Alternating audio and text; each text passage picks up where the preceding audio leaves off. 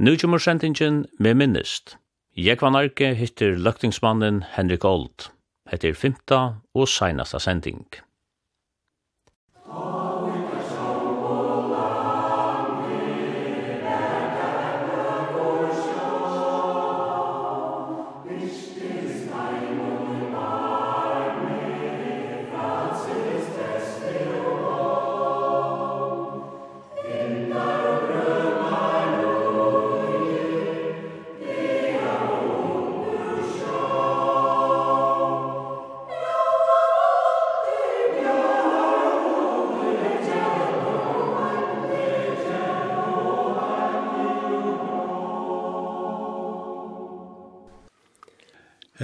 Du komst på i politikk og i 1904, og her har vi vært bæge gåar og ringa tøyer med en to over ting med over.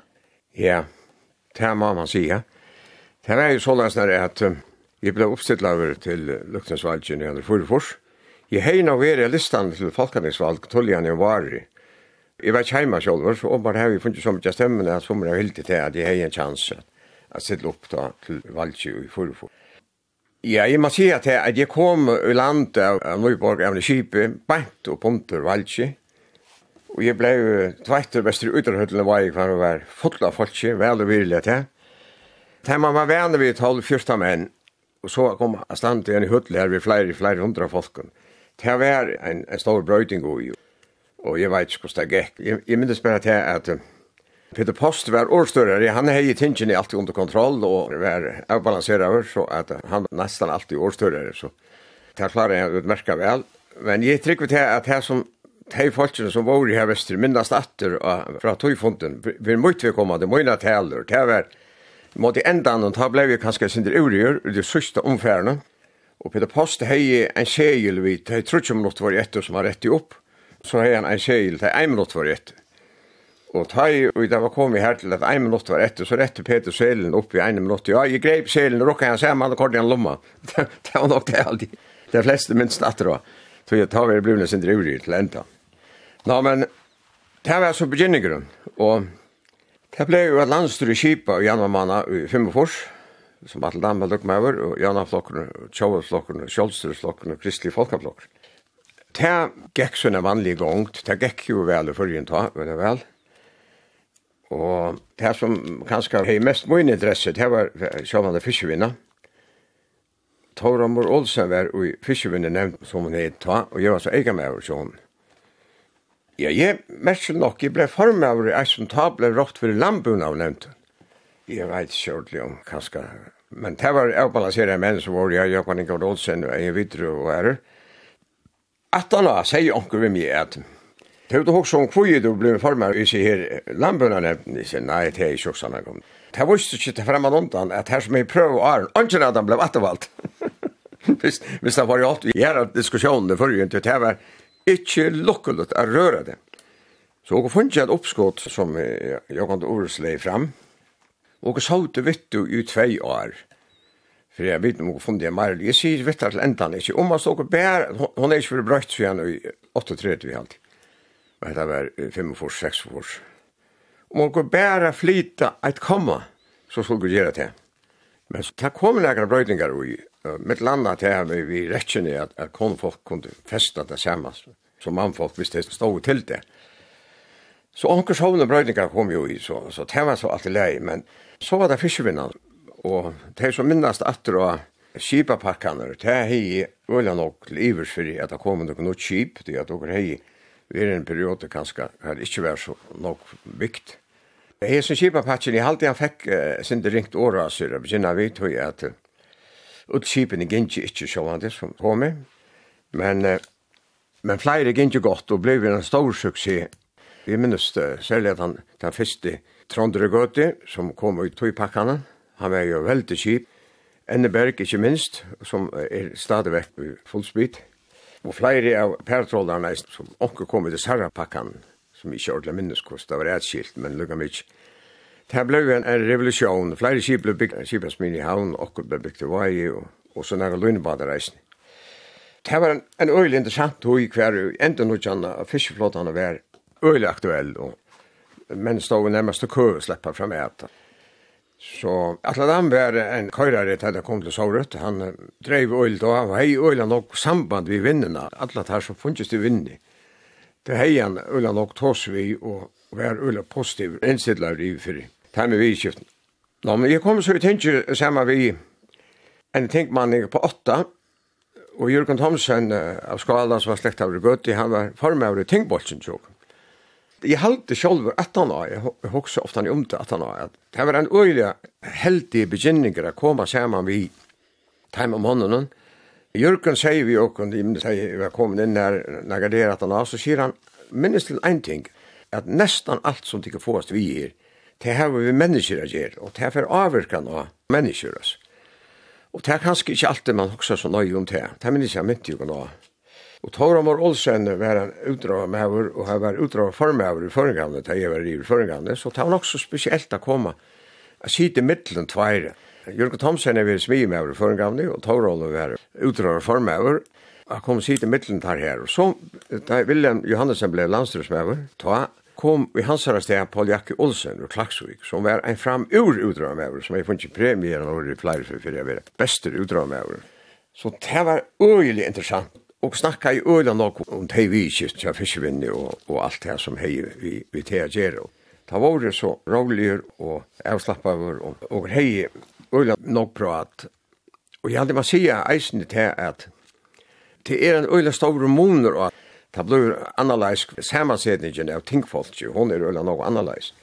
Så jeg begynner vi, så var det en 5-6 maskinmestare i tingene. Det var smimenn, flere, Og halde at og var en fem eller seks fiskekipar og skipsfører, Thomas Arabo, Olaf Olsen, Adolf Hansen, Seidni, og Johan Ingvar Olsen og jeg og er, som var beinleis knøtter, eller hei nestan bærer funnes vi fiskaroi. Så og hei øyla nok til felags, og øyla nok var snakka om, det er til løtnar, det er bare til å snakka, som tar vi oppi av loften, oppi av tingloften. Og så det øyla langa deir i tingene da. Det var en fine begynninger ui vi at man fulgte seg heima og fulgte seg av hett vi nokkur at heima som så til Så var det her vi at det lagt døgn og affæri holdt vi tunnlar rundt om atlasna. Det var en øylig diskusjon ut i samgången om tunnlar. Jeg minnes meg gav viner Heine, Heine Sende Kone. Han leie hardt ut for å slippe å bora til Konier. Det var jo flere som helt i eisene var funnet. Men at og nekker er som eisen ville slippe båret til Sundbjørn. Og det skulle være ui tog skajen, og er en skajen enda som man liksom fikk sikkerhet for det at det kom i gang. Det begynte så til kongen her, og det ble gjort en sånn merkelig avtale, man skulle båre halva tonnen til kongen her, og så skulle man flyte utkjørende til Sundbjørn. Man kan ikke si at det var noen kilo i, men, men det gikk så merkelig vel av våre lakonia. Det var helt fantastisk det gikk vel. Så langt av æren tog hun at det rekkes valg, så var det klart av våre til.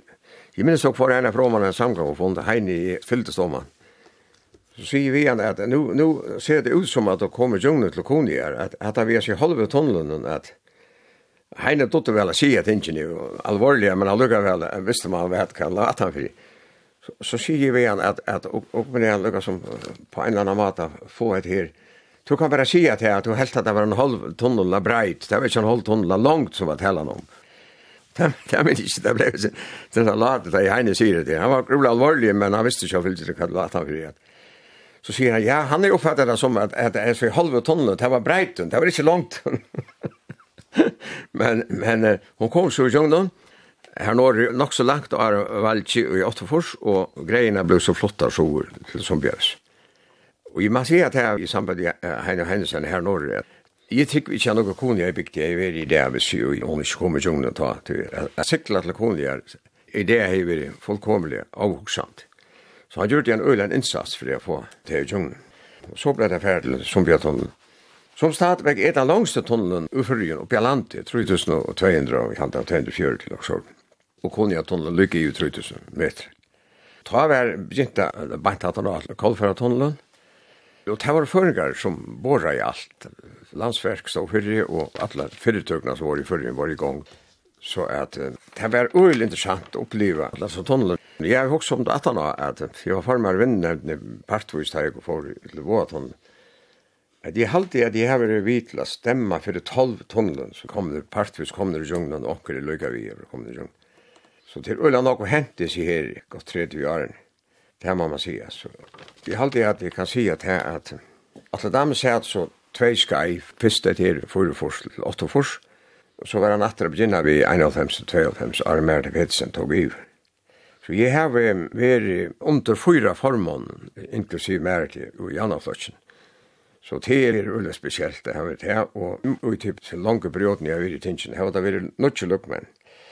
Og jeg må si at jeg har haft et øyla godt samstarv og lykka mykje hva flockar har til, jeg har sett det som en oppgave, en skyldig å ha godt samstarv i lukkmenn i förrjun till at det er det eneste måte du kan få något positiv på rur på. Det kan jeg bare si, for at alle vi kommer til at det vil ikke fram ur vel vi tog. Men man slapp ikke så og kom i en kreppi, og hon blei obviously man begynte jag såg henne nog för ordentligt. Kanske kanske ända något för, eisne det var bare begynningen på det som skulle komme.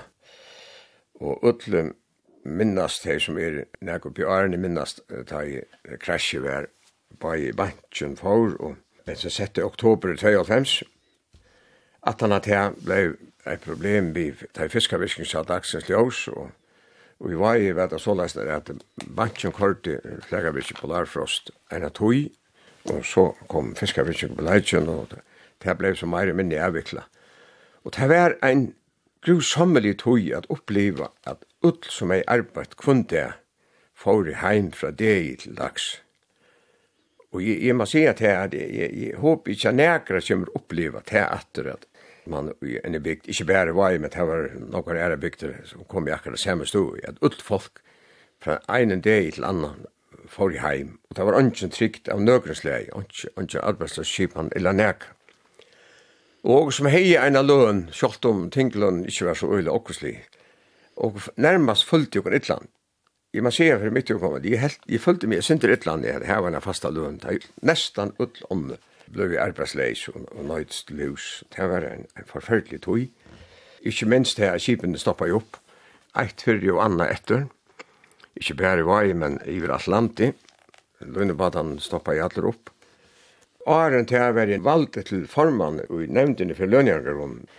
Og nu til han tror, Tjejefors ble valgt av landstøren til nevnte formann og lønjangerlån. Og det gikk jo godt ta i Tjejefors og partus i Åttefors. Jeg var nevnta formann til 55 da jeg stod i Kipen av loven nok til fyrir at han kom til fortsette. Da kom man ikke sitte som ting med over, som nevnta formann over, og her var en grunn som var under etterlidig av landstøren. Så det var lei, så gavs de ta sånn. Men da jeg kom ut i kreppene, ta verda problemer til utlønna. For det første, minst lønn, som lønner grunnen skulle Hildebjarte Johansson, var stjåri, var daglig leier. Men til alt held at de folkene som arbeider her, de har vært så langt at de dødt til tingene i åttanett. Og da jeg kom i seg kreppene, da ble nærmere skjæle tja kvarjund i eneste ene skip. Først er skipene tro blagre vi er klare at det er i veien, Og så har jeg lønner noen for litt penger. Og jeg minnes særlig at eit til dreise som var øyelig okkoslutt. Det var at jeg ble ringt opp og jeg at jeg sier at det får ikke betalt nå. Det er minst tre eller fjore vikeskift at jeg ikke får betalt minst av lønne ut til manningene. Og folk begynte, ja, koner begynte å ringe og spyrja hvordan var det vært, og i fyrta fyrsta gikk et eller annet i høyren, og i ørenleie så funnet jeg ikke minst lønne helt. Løgnargrunnen hei ikkje pengar å betale ut, som skulle betalast ut. Manaskiftet la akkurat ut mot henne vikeskiftet. Så åker helt en fond hver åker uh, bo i Hildebjart, hver og snakkar vi sperrekassan, for jeg sperrekassa heter ta. Om det var møvelet at uh, løgnargrunnen kom tega lån. Jeg snakkar vi alle dem om det, og han sier at det kunne til løyte på at hvis det bær til, få en lån, og det skulle være 5 millioner, så skulle han jo stand inne for at pengene betalte inn at at beina veien att han mannaskiftet har jottene var klar. Så och Fauri Åman i Fyrjes Bergas, Ole Jakobsen og Andreas Høygaard, Dia Høygaard i Vestmanna, var i Fyrje Fiskmannafjellet, Jakob Solstein for Reiarafjellet, og Edlender Abelsen for Kiperen og Nakatørfjellet. I minnes vel ta morgen og får inn i gansjen i Sperkassan i Mibøyne. Da jeg kom inn om horna, så sier Dia Høygaard, ja, ja, Jeg er som ikke gammal. Jeg betaler unga 5 millioner at. Hvis jeg skriver under, som er i gågen åren, så skriver jeg eisen under. Så at jeg kommer så aldri å betale det. Det var et krav fra Sperrakassan at nevnten skriver i under som en trygt for at pengene kommer etter. Men godt skal lov at det er ikke bare vikeskiftet og godt og vel til, så fikk landskassen betalt innan til det som skulle betales og, og var leiser etter Eveslandet. Men det sier det sindre om hvor ståa som var. Og, og det som var så heldig, dette var torsdag, og torsdag hei de pengene, lønnerrunden, og frutja det ble lønn utbetalt seg utlund til flåtene som åtte penger til gåar, til lønnerrunden. Og det var en fantastisk lett i at de kom bort til utøy kjaldene, til ta var det, ta var det bliv nok så alvorlig. Lønnebada var i Grønland og atlasen rundt forskjelligasne, og det funnet ikke penger som naturlig var. Og så mykje krøster vær man ta, at og måtte grypa til til løsene. Men, men jeg halte at det var øyla gledeligt at hans hemmasetningen, og nevnte henne lønnergrunnen, vær så der. Jakob Solstad var øyla positiv for jeg fått rikka, og Etlunder og Olje Fiskmannefell han og tar eisne, så at det var den utviren som ble funnet. Hatt Hatta var en parter av hvordan tropelt det var å komme i jungnen med disse kreppene. Men, men så fyllte det ringast av er, her var det at virkene nærmest ut til landen stoppet opp. Og, og sommer får ikke i gang til at Så i det kan man lukka som gledes iver, hvis, hvis man hoksar om polarfrost, at i det legger en kjipe at det er tullgjerne om morgenen vi og fjerst forstonsen av laksju, og så kommer de opp her, og så arbeider ut på det. Så det er en fantastisk kommuner, og kan det lettare jeg sita i tingene på tammatan tar i den lokale rikken. Det var han parter den åre kreppene og eisene under kreppene. Og så fyllte det for i øyne nok av landene.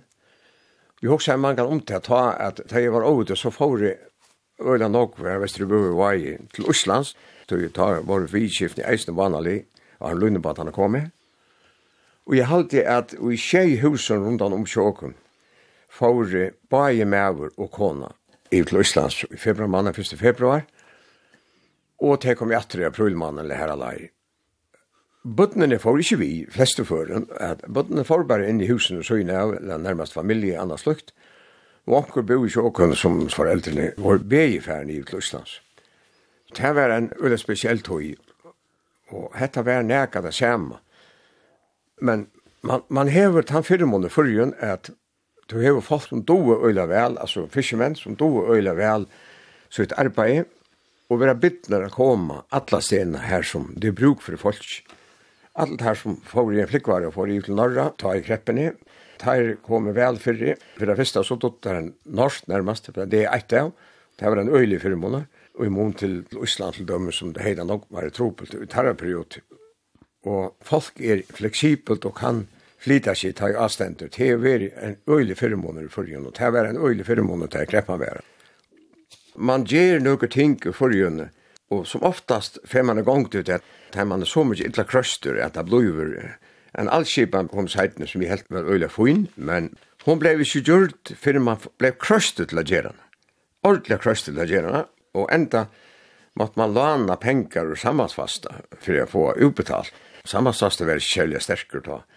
Men allukka vel så bär det til og sammansfasta fikk det mesta pengene natt man hever ofta en linte til at utsetta tingene med det ganger vel, i stedet for å gjøre det her man skal gjøre, men pengar er til det, og men det ganger vel, og man kan iveie det. Så ble det gjort i en knappare venting enn allskipan, så vi vi så kom hon a rykka, og hever så rikka vel her til.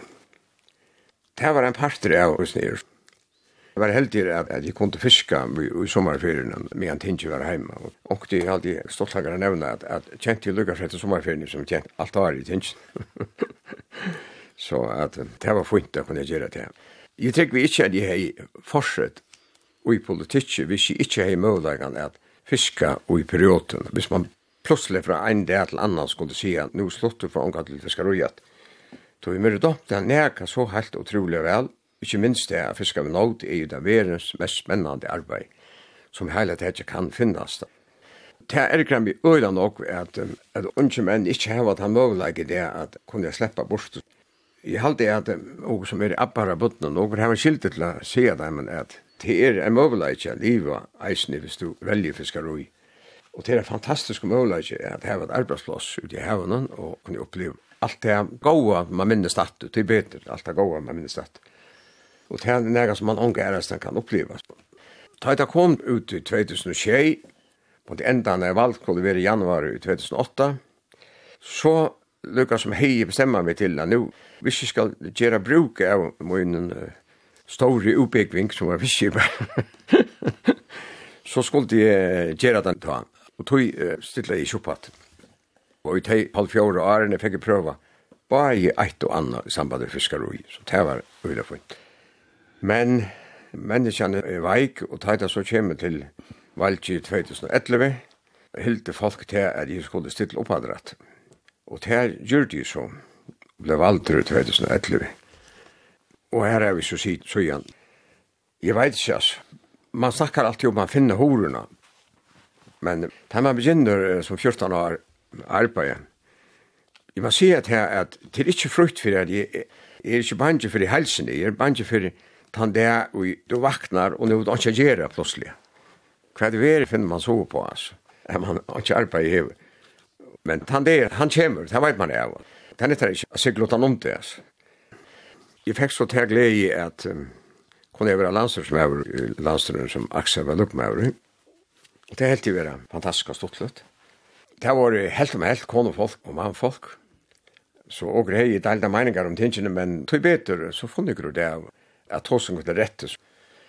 Og jeg hei sett meg fyrri, at hvis du kommer at omsida nøkker ting, altså veier og tomlar, det har vi ikke minst, det hei min stor interesse, og så held jeg til at barselskipan, hon kunne gjeras betur.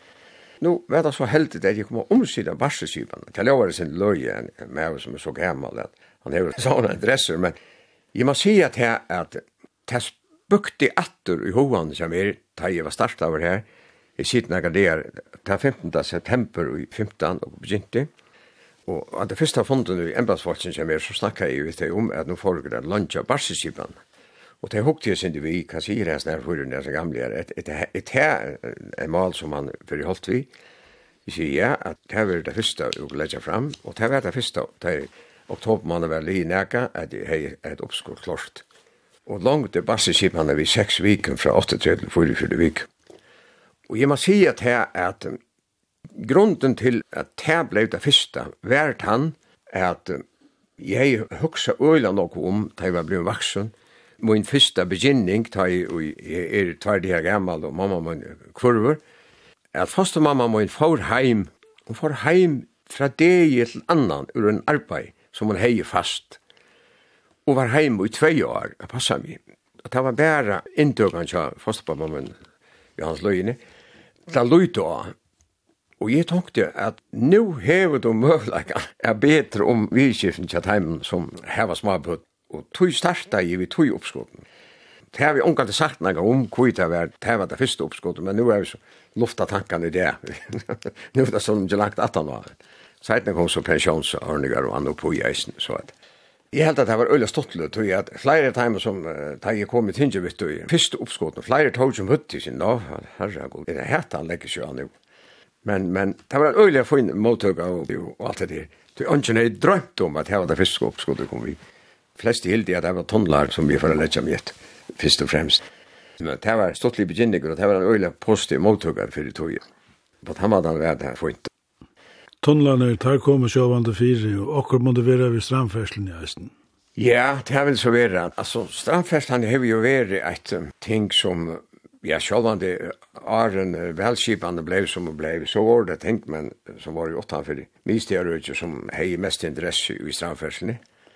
Alla till samgångar, at han att Målsrön hej korten några år. og man sa hur fantastiska vel at han kollveltingen kom tog at det var virkelig en kolvelting. Jeg kan nevne av ståttlager at da jeg gikk her skivra skola, så kom jeg norra til nå det.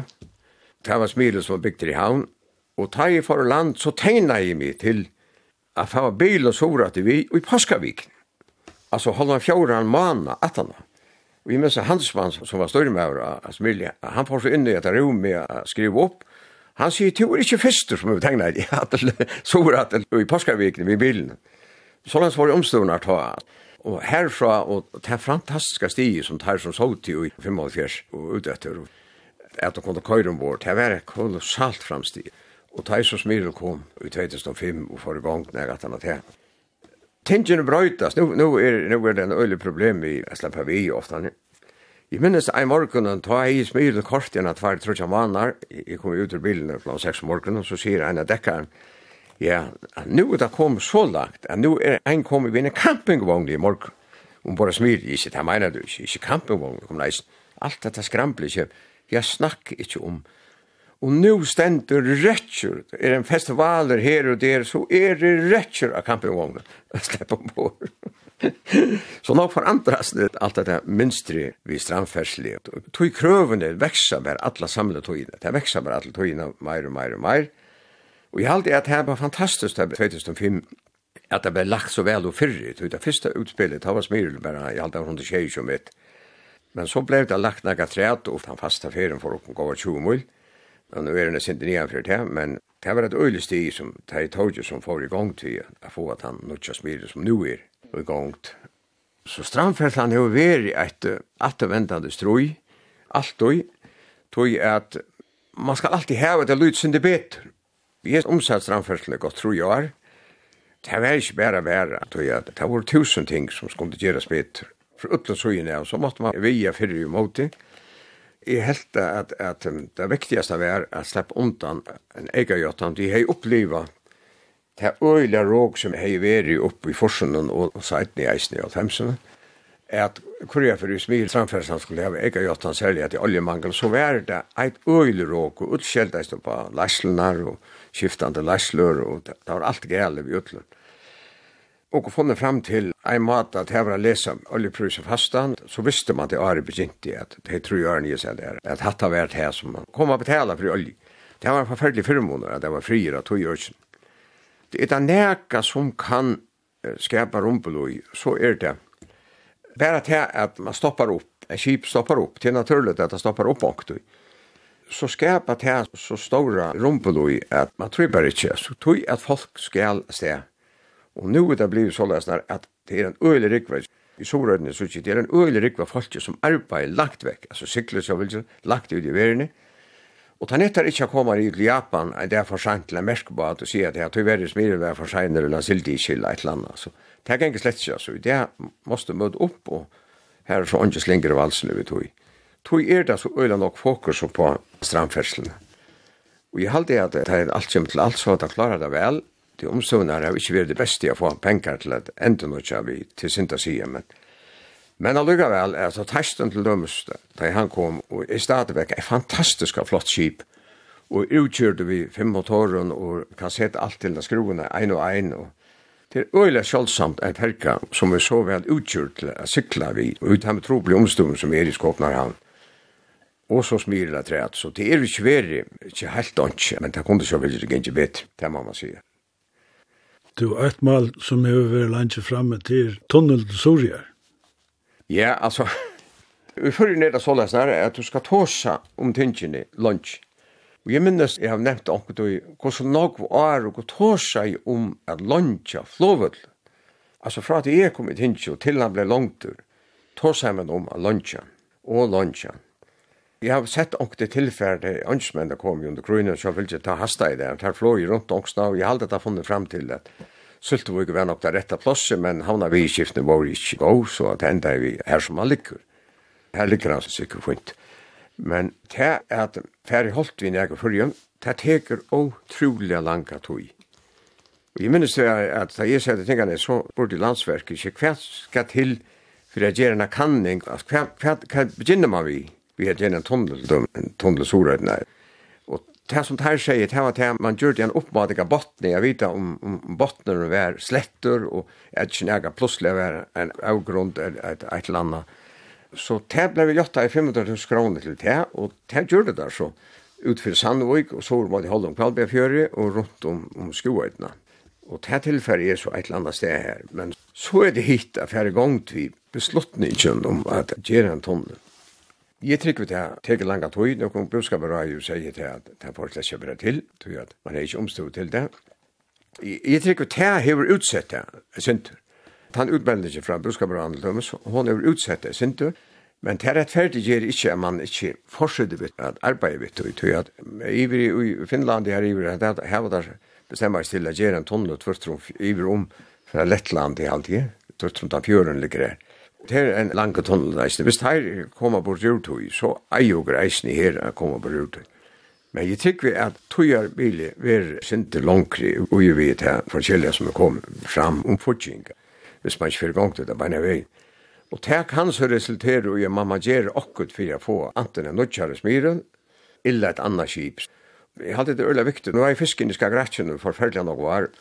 Mittelen Hirsa, altså Kristiansand, her sykla ferger atter fram alla tøyna, og der man lier og fiskar, så får man plotta det inn, går sjått og sykla, og ein var Kristian den fjore, han begynte, han sylte inn 16, 17 og oppi 18 mil, og så der kom der, så vi vi notjare, notjare, det sørste som nu er kom der, det er nægra som heter Superspeed 1 og 2, og det er batar som er oppe truss meter langkring smyr, som sykla fra Hirsals og i Ivrom, Og det er så leis en skag rakk at denne landringen så kan det være øyla og slett og øyla og fantallet. Og en av fru trussene, ta for en ferka som et skag rakk, Lukan 18 helt til 20 om bråten i jungnen, og hun sakk, forlyste altså. Her kommer bedringar ut av heimann, og tann tøyen som vi har sett nu, jeg gjør ofta i etter. Jeg så badane sykla, gåa 26 mil, jeg så superspeed badane. Og jeg halte at man fra fyrjen av skal hitje etter I Norra kan bruka man Norra og hva har man i Ångland, i Urland og, og Nyriska Grakk og Erasna. Are man teken ega bestemmes jo om hva man skal gera. Det er så fært og en inntrykk av hva er det beste egna i. Det er sikkert at en som sikler det av vattnet er egna til sikler hans horena, men allukavell må man sier til der aller fleste ideene av sykla til Sorøyne er slett. Til vestan etter er øyla dominerande i førjen, fra Øssenidjo oppløtning, Og ta er fynasta sle a sykla fram i land. At man ta hei eina ferge som sildi 26 mil som da bruker her nere. Så kom det til bløy en kolvelting hver folk sida ein tøym og ekkorter, ein tøym og 20 minutter ombord henne sånne ferge og letja inn her i havn. Det halde er ei man fyrsta hoks hitje etter arma for i holdt vi at tegan avgjør om alt at her. Men en tunnel kjemur, det er han ikke om maskiner er nere i Europa, borra og kører ut samtidig. Fikk også nu senda det, men en nødt vær. Hun borra i, og samtidig rådde hun ut, og bilar tog ikke mot i atanfyr. Så teknikkeren brøytest helt fantastisk. Hvis man hoksar om, jeg var ofta inne i tunnelen med han i Vera Tinganes, Estrøya-tunnelen, og hukte flere fyr. Man så hoksar om, da jeg begynte arbeid i botni, som 14 år gammal, og i tunnelen her, hva der stod vi i båren oppi herene nærmest, altså hvis jeg kjemper menn, så det stod om løyva av halte som bor han oppe. Hvis man hoksar om te og, og så fram til te, at ei med oss sitter inne og i boren og ønsken helter nekar, ikke nekar som helst, det ordner ei med det hel. Så er det en fantastisk utvikling som er veri. Så jeg så ikke ikke svart på at man en dag fyrir køyra til middelsoretna og han. Det så ikke ikke svart på at det. Det er vel sannsynligvis ikke mer som egne seg føre, men det kommer. Det er i vis ikke to gafst nok så brottelig i landstolen? Ja, det kan man sige. Altså, mot lente er det at, ja, jeg må, jeg må først sige at, at jeg gavst knappliga, men det er eis nega vi hvordan du er samme samaskrua vi. Jeg minnes vel til Merda Pedersen, jeg var lukkmæver. Jeg var øyla glede til hun ble lukkmæver, første kvinnelige lukkmæver, og så var hun rvai enda. Så da i perioden er ferdig, så det kommer en nødt periode, så eier åker tingformann, det var at han var veldig i 94. Og mer det sier som jeg, hva skal jeg to er tingformann? Ikke mer det, det kommer ikke opp av tal. Det, er, det kan aldri lede seg gjøre. Du er så lest av jeg av at de har ikke tål til løms av siden. Ta så til formene, eller løgn, da var det ikke begynt å skifte som noen gjør nå. Og høyre det er samme, ikke det samme talene, men man tar seg om det samme, og på samme natter. Så jeg halte meg at det var skatt, to er første kvinnelige tingformer, Det var en fina chans att sätta till efter det. Ja, hon skulle också undan till morgon. Shit, här var kvart inte det. Det är det ena som är hundra procent säkert. Det här vi inte tål till. Jag har alltid helt i att läraren som jag har sittet, här har varit öjla väl ägnade som tingformen. Og til neka vi at her arbeid så sålesten at her sitter i lortet etter bøtten og, og tåsa vi skola bøtten og anna. Tog har det sikkert enn syke som gjør til at han halda det ut. Nå, men at det til hit er at jeg har knapt lea seg veit, og det har vært hui at jeg vil alle togene hilde fast på at og her var røyntur, at føringar her var båra tunnlar, og ikke minst det kunne jeg tunnlar hos kjøtta gikk. Jeg vil alle togene hilde fast på at føringar skulle jeg båra tunnlar i fyrjun, tog at jeg har jo bruk for det. Ta det for å båra til Kvalbjara i tunnelen, og tross sjøene, ta, vet du, Kvalbjara som båra i, ta ser man til sandvigar, han båra i eisen, Hvordan blir det til at man, man plutselig ikke kan gjøre nækka sjolver? Tøy leie opp til at man starta i via Båra til Famjøs, som var en stotte tunnel, 1200 meter, at man får i holdt vi å gjøre han, og så får til dals. Men eh, folk som var i samgångene vi med teg, tog ikke under vi tøy, og skulle pressa at får til dals først. Så jeg hei lukket som lagt opp til at i 2023 så kunne du seta av i Kjøtnevik. Jeg bor til Kjøttenbygger om hest i 23. Det var opplegget som landsverk og jeg var samtidig. Men og jeg helt at Øravik var det rette plass jeg begynner til å heve det verste, og at alle utkjøren kunne, kunne repareres og annet slukt, og han har brukt noen penger. Og brukte man kostnaden av gasadasonen, så var det en ivekommelig oppgave som la om omlai 50 millioner til familien. Men det kom så ikke djungnen, og jeg skulle tvingas til at starta dansstunden, selv om jeg halte at vi munner i Atlant så kommer fyrre til dals, enn man gjør det, og kunne starta til 14. Så jeg nevnte det av Aksel flere før, at det er ikke jeg som starta til dals, tog at um, fortretnar er bestar enn begynna i Øravik. Jeg snakka vi landsverk og hvor jeg funnet vi tvei måneder som ville starta, en som var formar av Sumbjatunnelen, Larvikinger, ja, jakke, og ta ville være begynna vi å få gang til alle famljus. Men da er så for til alle som ble gjort til tids. Så jeg tog avgjør om at ta i, og annars skulle jeg bestemme at i ødgjene som du sitter av, så skulle det bare selv ta iver, og så takka jeg for meg, og så får jeg meg vei, og så var det iver seg. Det kan skal være en, en øyla knapp avgjør, men, men da var øyla vel at man gjør kjøtt av, og jeg har ikke angra en det, at jeg gjør det som jeg gjør det. Men tror jag och, och 14 där. det var verkligen stått att uppleva det. Jag här var starta som en vanlig fiskemäver och så ända som en landstyrfolk. Det hade ju varit ojla stått alltså. Och tacksamma för utliga människorna mötte henne av som var positiv alla matar och arbetade ut i områden som vi arbetade i Tinganes. Ojla intressant, ojla intressant. Nu er det blevet 75 år gammal og så er spurningen om tingtøyene færne hattla. ja, altså, Jeg halte at 45 år, ta skal man ikke være noen råknemeister, for at man råkner ikke fram til at togjen fyrir hetla, til å ikke vi om, altså. Så det hit, jeg finner horene, som de ble snakket så nok om. Det er nok kom vi her til at, jeg har ikke sagt at vi til folk som har stilt dem opp, og sånn nok var, at jeg er takksomme for det, men et eller annet tøyspunkt, som var man Nu vet jag jeg således att jag får på fick jag jeg sindere meira gjør, så vi fick haft nægra seier meir, Men til jeg merker hvordan nok man klarar at det har vært en fantastisk stor glede at jeg har haft et utriv i weekenden, at, at jeg har haft några seier om hva vi. Det er eneste som jeg husker om ta i det vært til det man gjevast, det er vært så sannsynligvis til man gjevast, det er at hva gjør du så at han har? Altså, da man begynte som 14 år og ikke frilød å være, så var det øyla løy enn det jeg vakna og sier, nå, nå har vi unge oppgave nu det bare seierna for. Du ser øyla noen menn som klarar det øyla vel, og sannsynlig hvis du tog eisen sjolver. Jeg må bare innstille meg på at du må klare det samme som er klare. Men jeg trykker det var vanskelig. Altså, jeg trykker det virkelig være en avbjøring at makna enn det og ikke hava et arbeid her til. Du, det heter arbeid i tengen har vært eisen vært fantastisk og stortlet eisen. Jeg halde det er øyla viktig at det arbeid du hever at det er interessant, Og det gjør ikke om det er stuttlet og spennende eisen.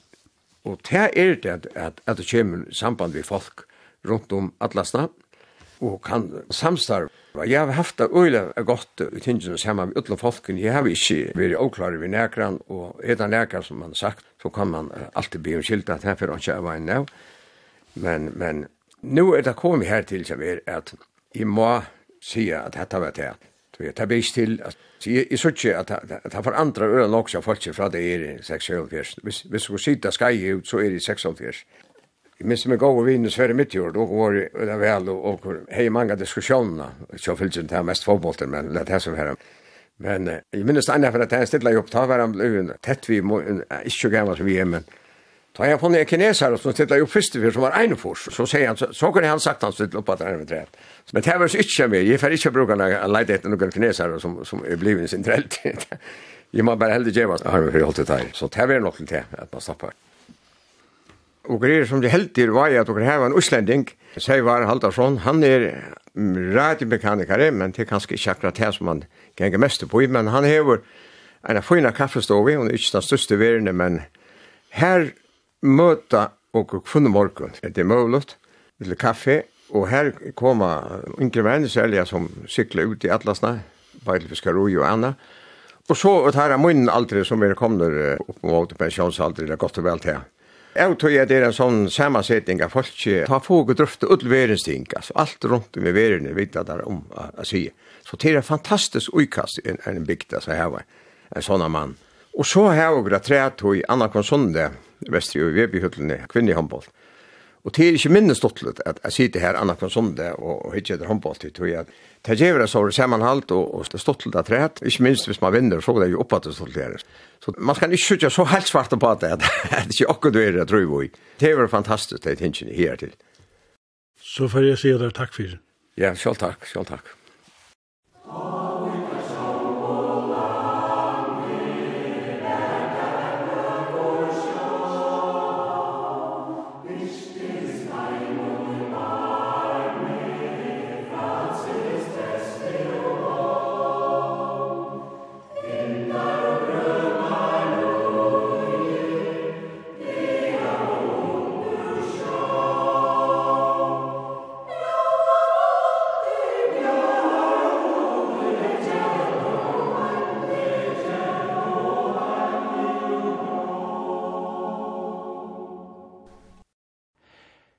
Hatta var sendingin med minnist.